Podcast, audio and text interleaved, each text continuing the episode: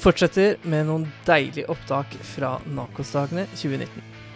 Arne Skulvær har jo tidligere vært med i podkasten om opioidoverdose og naloxonstudier. Han hadde også et foredrag på Nakos-dagene.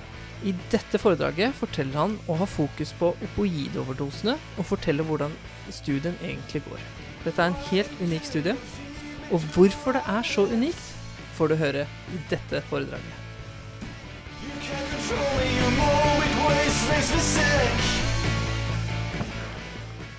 Tusen takk. Det er jo ingenting som er lov å begynne sånn den første seksjonen på en dag hvor folk sikkert eh, koste seg på takterrassen i går, og gå rett inn i overdosene. Men vi skal prøve. Eh, det er litt mye lys her, men hvis dere har noen spørsmål, jeg går for fort eller noe, så veiv og rop. Jeg er veldig mottagelig for eh, sånn. Kjapt om personlig interessekonflikt, så har arbeidsgiveren min NTNU inngått avtale med et farmasøytisk firma om kommersialisering av en nesespray. Det kommer ikke jeg til å tjene noen penger på. Eh, og en av studiene jeg skal snakke om, har vært sponsa av et eh, firma som heter AS Det Norske Eterfabrikk. Men der har NTNU eh, alle rettigheter til å publisere også negative resultat. Overdoser er jo Jeg skal snakke mest om opioidoverdoser. De kjennetegner vi jo ute ved at pasienter har små pupiller, redusert bevissthet og redusert pust. Og den fryktelig triste grafen vi ser bak oss her, det er antall som er døde av overdoser i Norge hvert år fra 96 til 2017. Og det tristeste med denne grafen er jo hvor flat den er. Det var en hopp rundt 2001 hvor 400 døde, og så ligger det rundt 250-300 dødsfall i året. Og det er av unge folk. Det er gjennomsnittsalder på slutten av 30-åra. Og de siste åra har de fleste dødd av metadon og oksykodon, ikke av heroin. Så selv om vi gjør noe med heroinen, så, så forblir dette et veldig, veldig stort problem. Naloxon er jo verdens aller, aller beste medisin. Det er en selektiv opioidreseptorantagonist. Og allerede der så bør jubelen stå i taket. Eh, det bruker vi når vi skal reversere mistenkte overdoser forårsaket av opioider. Og En av grunnene til at det er verdens beste medisin, er at den er både diagnostisk og terapeutisk. For hvis du gir medisinen, og den har effekt, så finner du at ja, diagnosen min var riktig, det var en opioidoverdose. Men hvis du gir den, og den ikke har noe effekt, så nei, jeg har visst feil diagnose. For det er jo mange grunner til at folk kan være bevisstløse. Mange steder så anbefaler man jo nesten rutinemessig å gi Naloxon til bevisstløse mennesker, selv på lav mistanke, for det er en trygg medisin. Um, så, så, mange får jo Naloxon for å se om de er forgifta. Doseringa er tradisjonelt intravenøst eller intramuskulært, og vi titrerer etter effekt. Det betyr at Man kan gi små doser, og så gir man litt større etter hvert ettersom man ser effekten komme. Um, typisk så starter man 0,4 til 0,8 mg som første dose og ser hva for noe effekt det har. Og vi må huske at jeg pleier å si at det er jo ingen som, de, Folk som dør av opioidoverdose, de dør jo ikke av mangel på naloxon i blodet. De dør jo av mangel på oksygen. Og ventilasjon er jo første skrittet på alle bevisstløse mennesker, også disse. Få ventilasjonen gående, og så kan man gi motgifta sakte for å få den effekten man vil ha. Og så er det oppfølginga etterpå. Det er veldig mye fokus for alle dere som jobber ute på liksom, naloxon i nesa, naloxon i IV og naloxon intramuskulært. Men vi må ikke glemme ventilasjonene. For det er faktisk det som er det livreddende tiltaket som vi gjør aller først, og som alle trenger. Og Grunnen til at vi skal være litt forsiktige med naloxon, er jo at det kan utløse akutt abstinens. Akutt abstinens fra opioider det er ikke livsfarlig sånn som akutt alkoholabstinens, men det er forferdelig ubehagelig. Det er smertefullt. Pasientene blir agiterte, eh, nervøse. Og noe av poenget etter opioidoverdosen er å bygge en terapeutisk allianse med disse pasientene.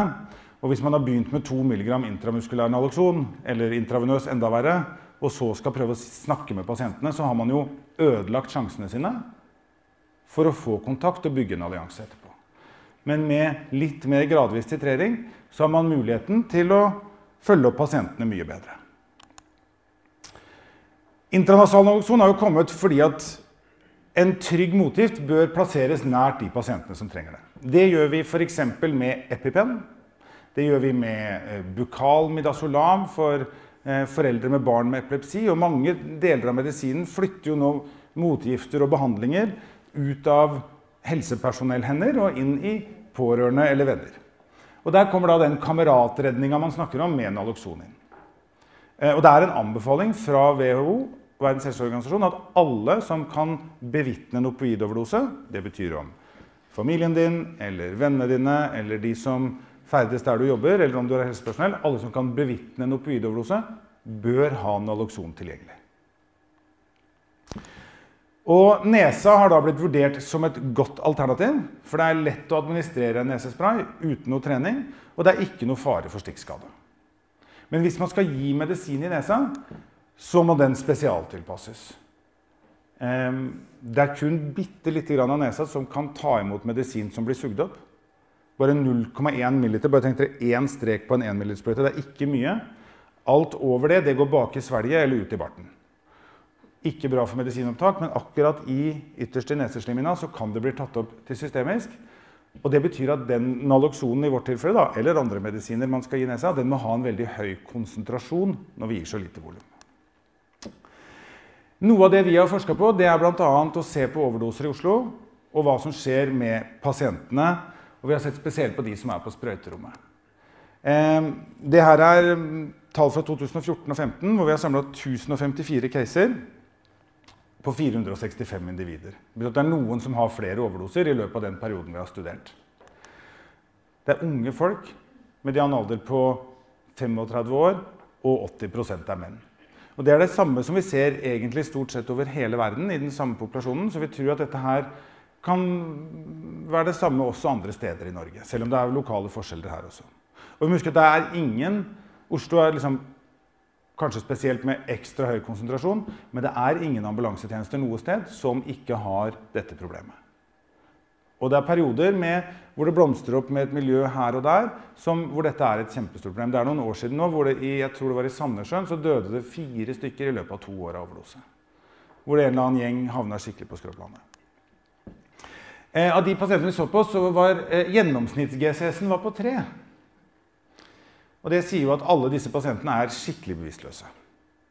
Har, da Halvparten av de 1054 casene de, er, de har GCS på 3. Og respirasjonsfrekvensen var gjennomsnittlig på 6. Det er jo redusert. Vi ser at de er Dette er jo pasienter som blir behandla av ambulansetjenesten, så de har jo fortsatt respirasjon. Det er veldig veldig få som dør av opioidoverdose når ambulansen kommer dit. De som dør, de blir aldri ringt på, for de er ofte aleine. Og vi ser at De sykeste pasientene det var de som var på sprøyterommet, og de som var i private hjem. Veldig mange steder på offentlige plasser så går det jo rusa folk, eller sitter rusa folk på en benk som ikke klarer å ta vare på seg sjøl. Da ringer folk 113, og de får hjelp. Og de har vel teknisk sett kanskje ikke en overdose i den forstand at de har respirasjonsstans. Mens på sprøyterommet så sitter jo folk ganske sløve. Eh, det er mange av dere som ikke har vært på sprøyterom. På sprøyterom er det 70 000 injeksjoner årlig. Bare for å si noe om størrelsen på det. Det er 70 000 ganger i løpet av et år så kommer det folk og setter heroin. Um, og de har 600 overdoser i året. Og det er jo veldig lite. Dette her er jo egentlig ganske trygt, så det sier noe om hvor stort problemet er. Uh, I forhold til hvor få som blir skada. Og de som er i private hjem, de var også kjempesyke, for der tar det lang tid før noen ringer 113. Um, ja, og I 61% av tilfellene så forblir pasienten på stedet etter behandling. Men det er veldig veldig stor forskjell på det. De som er på sprøyterommet, blir som regel der, og de har jo hjelp også i oppfølgingsperioden. Og så vidt over halvparten blir transportert videre fra offentlig sted, enten til legevakt, eller til rusakutt eller til sykehus. Og noen blir også kjørt på Kirkens Bymisjon eller kjørt på toget og litt forskjellig. Så har vi da sett på disse Er det noen spørsmål til det? Alt er klart. Les artikkelen. Eh, så har vi sett på, Dette er litt sånn tørr farmakokinetikk. Nå skal jeg snakke om nesesprayen og et forsøk vi har gjort på friske frivillige som har fått eh, naloxon i nesa og naloxon i skulderen mens de har fått et morfinstoff som heter remifentanil. Når vi skulle forske frem der, så hadde det jo mest ideelle vært å kjøpe heroin og gi folk en overdose og se åssen det funka. Eh, men der tror jeg både etikkomiteen og regnskapsavdelingen på NTNU ville hatt innspill til den forskningsmetodikken. Så da valgte vi remifentanyl isteden. Sånn. Eh, toveis overkrysningsstudie. så at samme deltakerne, Vi hadde tolv deltakere, kom to ganger. Den ene gangen fikk de Naloxon i skulderen, og den andre gangen fikk de Naloxon i nesa. De fikk 0,8 i skulderen, og som nesespray så fikk de også 0,8. Og Her er det bare et skjema som viser dette er tidsaksen bortover fra en halvtime før vi satte Naloxon, og så seks timer framover. Og hver krysspunkt er at det skjedde noe. Og Her har vi tatt masse blodprøver.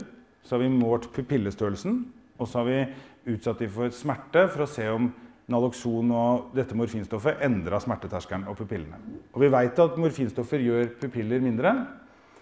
Her ser dere størrelsen på pupillene, 7 mm ca., når pasientene kom. Og så starter vi morfinstoffet remifentanil, og så snurper pupillene seg sammen. Med en gang. Det tar bare noen få minutter. Og her gir vi Naloxon. Og så måler vi pupillene videre. Den blå er når de får intramuskulært. Og den røde er når de får intranasalt. Her ser vi at den intramuskulære virker mye bedre. Det er mye mer endring av pupillstørrelsen når de får like mye med 0,8 og 0,8. Og det forteller oss at hvis vi skal gi nesespray som skal virke like bra som 0,8 intramuskulært, ja, så holder det ikke med 0,8 med 0,8. Da må vi ha 0,8 intramuskulært og kanskje 1,4, 1,5, 1,6 intranasalt. Og når vi måler konsentrasjonen i blod, så ser vi det samme. Du får mye mer naloxon i blodet når du setter det intramuskulært, enn når du setter det i nesa.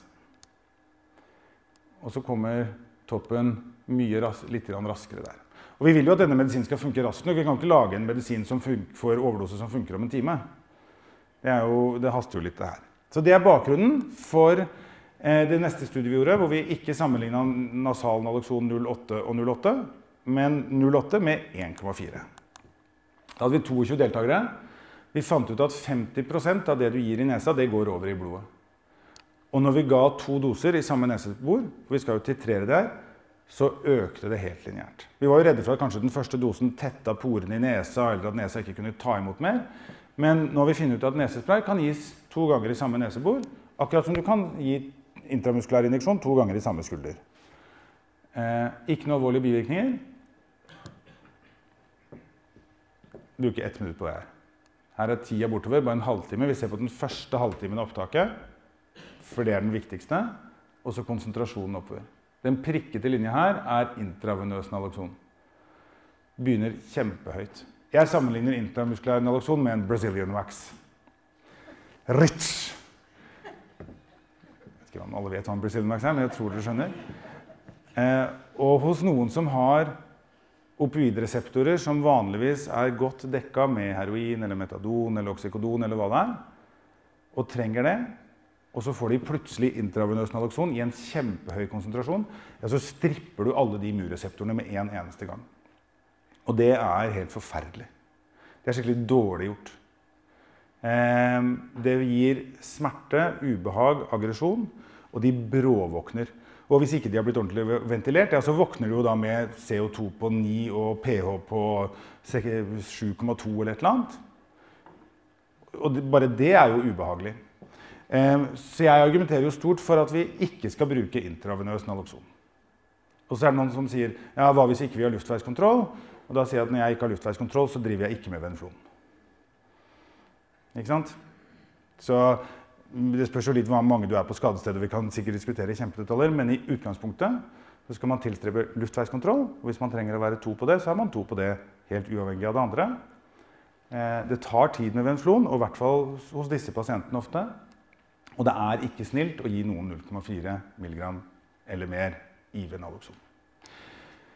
Mens den heltrukne linja er den intranasale, og den litt sånn stipla der er intramuskulært. De virker fortsatt ganske raskt. Dette er fem minutter.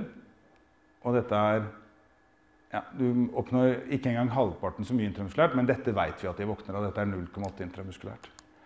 Så det vi har prøvd å sammenligne, er jo da den intranasale og den intramuskulære. Og selv om det kanskje ikke ser sånn ut når du kjører litt statistikk og modellering på det, så er disse ikke forskjellige fra hverandre. Det betyr at vi veit at intranasalt 1,4 har like rask og like høy effekt som intramuskulær 0,8. Og vi skal ikke se at den intranasale er bedre Vi skal bare se at den er like dårlig. Skjønner dere forskjellen? Vi veit at 0,8 intramuskulært som første dose er veldig bra. Det vet vi fra det forrige studiet. Det vekker 88% av pasientene. Bare én dose med 0,8 eller mindre. Så hvis den intranasale er lik som det, så vet vi at de trygt kan erstatte hverandre.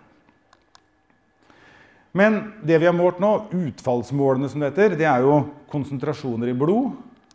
Det er jo ikke så veldig klinisk relevant, egentlig. Det er jo ikke sikkert at du hadde 1,5 nanogram naloxon per milliliter, og du hadde 1,5 nanogram naloxon per milliliter, så da er det likt.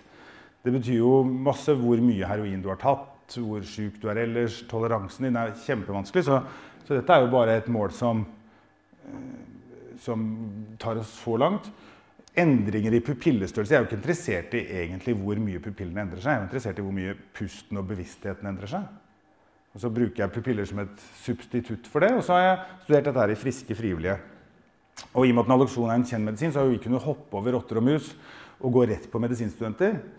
Eh, men det er jo fortsatt sannsynligvis forskjell på medisinstudenter og de pasientene som skal behandles. Og den største forskjellen er jo at disse medisinstudentene ikke kommer med eh, masse Dolcontin og Rivotril og alkohol og hasj og amfetamin og eh, leversvikt og hepatitt C Sånn som mange av pasientene våre gjør.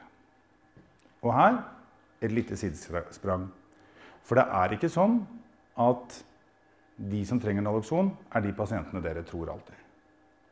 Av de som dør av overdose i Norge, av de 250, så er en tredjedel nær tilknytning til arbeidslivet og mottar ikke trygd eller sosialstønad. Det betyr at det er helt vanlige mennesker. Helt vanlige mennesker som går på jobben, og har et opioidproblem. Og det er jo det vi ser fra USA. Sånn at Å tro at dette bare gjelder narkomane, det er helt, helt feil. Og det tror jeg for oss som jobber ute, er viktig å få med oss at dette her er ikke dette her er et mye større problem. Og det har noe med hvordan vi både rigger tjenestene våre, hva vi gjør når vi kommer ut, at vi mistenker opioider alltid. Eh, forbruket av opioider i Norge skyter i været. Vi ligger 15-20 år etter USA, men det er fortsatt en femdobling av foreskrevet oksygodonpreparater på de siste 6-7 åra i Norge. Og det er ikke noe som tyder på at det skal minke. Og vi ser at de som dør av overdose, de matcher ikke det vi vanligvis tror på eller tenker på som narkomane. Og Det er også noe med å si hvordan vi legger opp tjenestene våre.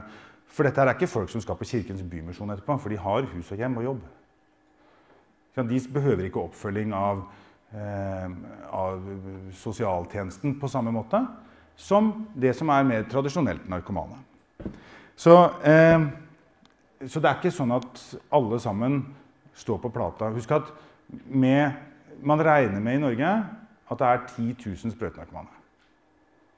I Oslo så er det kanskje ja, rundt 5000. Det er jo litt sånn rare tall, men, men det står ikke 5000 mennesker i Brugata.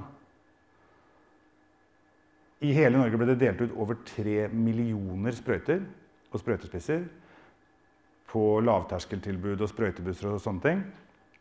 Så hvis vi sier at det bare er at halvparten da går til heroin, det er jo en del som går til amfetamin og blir borte og sånn, så er det 1,5 million heroininjeksjoner i Norge årlig.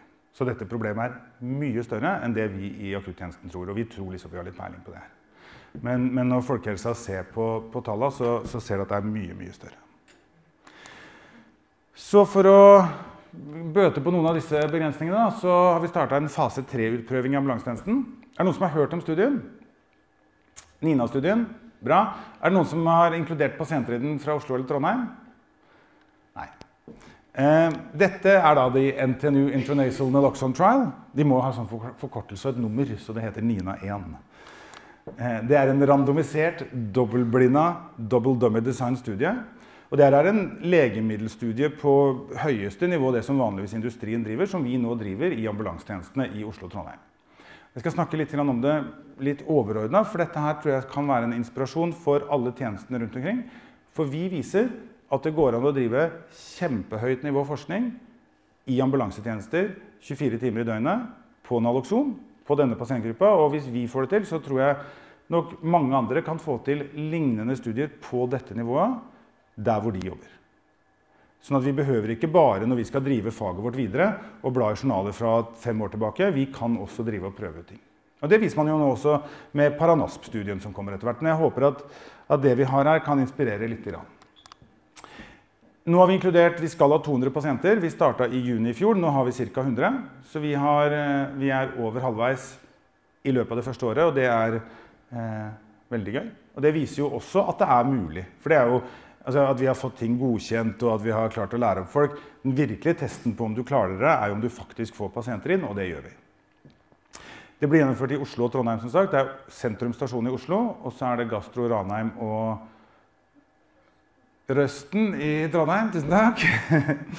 og vi har da lært opp til sammen 250 studiearbeidere i første året. Og nå da ny runde med vikarer og sommervikarer og nyansatte og sånne ting for å holde det hjulet her i gang. Og det er, eh, Der har tjenestene stilt opp mye, og jeg tror at de har opplevd at det å trene opp ansatte til forskning også hjelper på veldig mye annet. For vi har trent på ventilasjon, og vi har trent på samtykkekompetanse. Og vi har trent på det å drive med dette, og det tror jeg styrker eh, tjenesten også på andre ting. Eh, den er godkjent av Statens legemiddelverk og Regional etisk komité og oppfyller alle krav til det som heter Good Clinical Practice, som er det regelverket som styrer legemiddelstudier. Og dere har helt sikkert hatt, Hvor mange har hatt eh, besøk av tilsynsfarmasøyt på jobben sin? Eller hørt om det? vet at det er liksom, Da er det veldig sånn orden i boka. Du kan gange med ti, tenker jeg. Så begynner vi å nærme oss det legemiddelstudiet her. Men, men, det viser vi også at det klarer vi å gjennomføre i ambulansetjenesten. De er på besøk på bilene, de er på besøk gjennom hele kjeden og er godt fornøyd med det vi har klart å gjøre. Uten egentlig så veldig mye innsats. De pasientene som blir med, det er pasienter som har respirasjonsfrekvens under 8, som har GCS under 12, som har små pupiller, og som ikke har hjertestans. Så når mm, studiearbeidere kommer til en pasient som oppfyller noe av dette, så skal de gå videre for å passe på at igjen, være sikre på at pasienten ikke har hjertestans, at de kan få frie luftveier og en hel haug med andre eksklusjonskriterier. Jeg skal ikke gå gjennom alle sammen. Men når det er grønt på alle der, og grønt på alle der, ja, så får de lov å åpne den boksen her. Og den boksen inneholder en nesespray, et hetteglass med 2 ml sprøyte og kanyler og ei stoppeklokke. Og når de har luftveiskontroll, så tar den andre og forbereder det der, og så får pasienten ganske samtidig nesespray og sprøyte. Og den inneholder naloxon eller sterilt saltvann. Og den inneholder naloxon eller sterilt saltvann. Vi er helt sikre på at i en av disse er det naloxon. Det er Sykehusapoteket i Trondheim som lager det for oss. Og Det er jo den måten vi kan blinde deltakerne, eller de studiearbeiderne på. For du finner jo ut om du gir naloxon eller om du gir spray eller sprøyte. Det er vanlige studier så kan du si ja, vær så god, her har du en sukkertablett eller en aktiv tablett. Det er nå bare en tablett, så det klarer man jo å, å skjule ganske godt. Men for at to forskjellige administrasjonsmåter skal kunne blindes, så blir det sånn. Og når de har gitt de to, så starter de stoppeklokka. Og så skal de sitte stille og ventilere i ti minutter. Ti vaskeekte klokkeminutter, ikke ti minutter inni hodet. Eh, og så måler vi hvor mange får egen respirasjon i løpet av ti minutter. Og Det er det vi skal ha som er hovedendepunktet i studien. Og målet vårt er å finne ut at like mange, eller like få, det spørs hvilken vei du ser på, får egen respirasjon i løpet av ti minutter i begge disse to gruppene. Men det er blinda for de som gir det, det er blinda for oss som fører det inn i datamaskinen. Det kommer til å være blinda for statistikeren, som bare gjør alt sammen. Og når alt er klappet og klart, så blir det sammenligna med den kodelista som sier at Kit nummer 15 var aktiv nesespray, og kit nummer 17 var aktiv sprøyte osv. Så, videre. så vi får nok ikke resultatene på halvannet år, men vi har prøvd å blinde så langt vi kan. Og det er måten vi gjør det på. Det er med det her. Noen spørsmål til kittet? Ja? Eh, kjører du bare én injeksjon av nesespray, eller kjører du dobbelt opp? Nei, vi kjører bare én. Og hvis pasienten i løpet av de ti minuttene blir dårligere, så kan de få mer Naloxon fra og Da må de passe på at de tar naloxon fra bilen, ikke fra den her, som halvparten er vann. Eh, og en del trenger mer naloxon etter ti minutter. Og det er helt greit. Om alle hadde fått mer naloxon, så hadde det også vært helt greit, så lenge det er like mange som får naloxon i begge gruppene. For jeg skal bare finne ut at nesesprayen er like dårlig som 08 intramuskulært. Så ja, er, de blir ikke fratatt noen, eh, noen behandlingsmuligheter sånn. Og jeg veit at av de 110 eller et eller annet som er inkludert nå, så har eh, nesten 20 fått mer Naloxon. Og det er jo helt som forventa. Det er jo ca. like mange som får mer Naloxon i tjenesten til vanlig også. Andre spørsmål? Um, noen spør seg jo da hva, som, uh, hva med samtykke. For vanligvis i kliniske studier så er det jo sånn at kommer, forskeren kommer og sier 'Hei, jeg skal gjøre sånn og slik med deg', og så eh, kan du si ja eller nei til det. Det er jo vanskelig i akuttmedisinen generelt, og det er i hvert fall vanskelig når inklusjonskriteriet er bevisstløshet. Så etter at vi har randomisert pasientene, så går de i to grupper. Det ene er de som våkner opp og er samtykkekompetente. Det er mange pasienter. Det er flertallet. Vi forlater jo over halvparten ute. Det betyr jo nødvendigvis at vi mener at de er samtykkekompetente. Og de får spørsmålet kan vi, få lov å, vi har gjort sånn og sånn, kan vi få lov å registrere data om det. Vi kan ikke spørre kan vi få lov å inkludere deg i en studie vi har inkludert deg i for ti minutter siden. Det er ikke noe spørsmål. Ikke Hvis vi spør noen, så må det jo ha en faktisk konsekvens. Men vi kan spørre om vi får lov å registrere data. Og de som sier ja, de blir registrert, og de som sier nei, de blir ikke registrert. Og foreløpig så er det da 10 av 110 som har sagt at nei, jeg vil ikke at data skal registreres. Eh, så det gjelder da flertallet av pasientene. Men det er jo da en del som ikke er samtykkekompetente. Enten fordi de er vedvarende bevisstløse, eller noen det er ikke så mange, men noen har bare sprettet opp og blitt fly forbanna og virkelig ikke samhandla i det hele tatt og løpt av gårde. Da prøver man å få stappa en papirlapp ned i lomma, og så kan man trekke seg på nettet etterpå. Og de som gir beskjed etter ridd, de blir ikke registrert. Og hvis de har blitt registrert, så blir de sletta. Men hvis ikke vi hører noe, så registrerer vi de. Og det er to stykker som har tatt kontakt på nettet og sagt at nei, tusen takk, det her er ikke noe for meg. Og det er også helt greit. Og viser jo egentlig at denne ordningen fungerer ganske bra. Eh, så det er samtykkeløsningen. Dette her er jo eh, det har vært en lang prosess med, med Nasjonal etisk komité og masse greier. Men det kan jo også være et veikart for lignende studier framover. Så eh, jeg vil bare si tusen takk. Tusen takk til alle på NTNU og veiledere, Ola Dale og Ann-Katrine, alle som har vært med på den forskningsveien her, og til alle deltakere og masse folk. Dette her er jo slett ikke noe soloarbeid. Ehm, det er gøy å drive og være med og utvikle behandlinga for overdoseofre. Og jeg tror også at det vi gjør, håper jeg kan inspirere andre tjenester rundt omkring til å starte lignende prosjekter og ikke tenke at nei, det er for vanskelig, det er umulig. Vi har gjort ganske mye jobb som kan kopieres rundt omkring. Så det er bare å ta kontakt.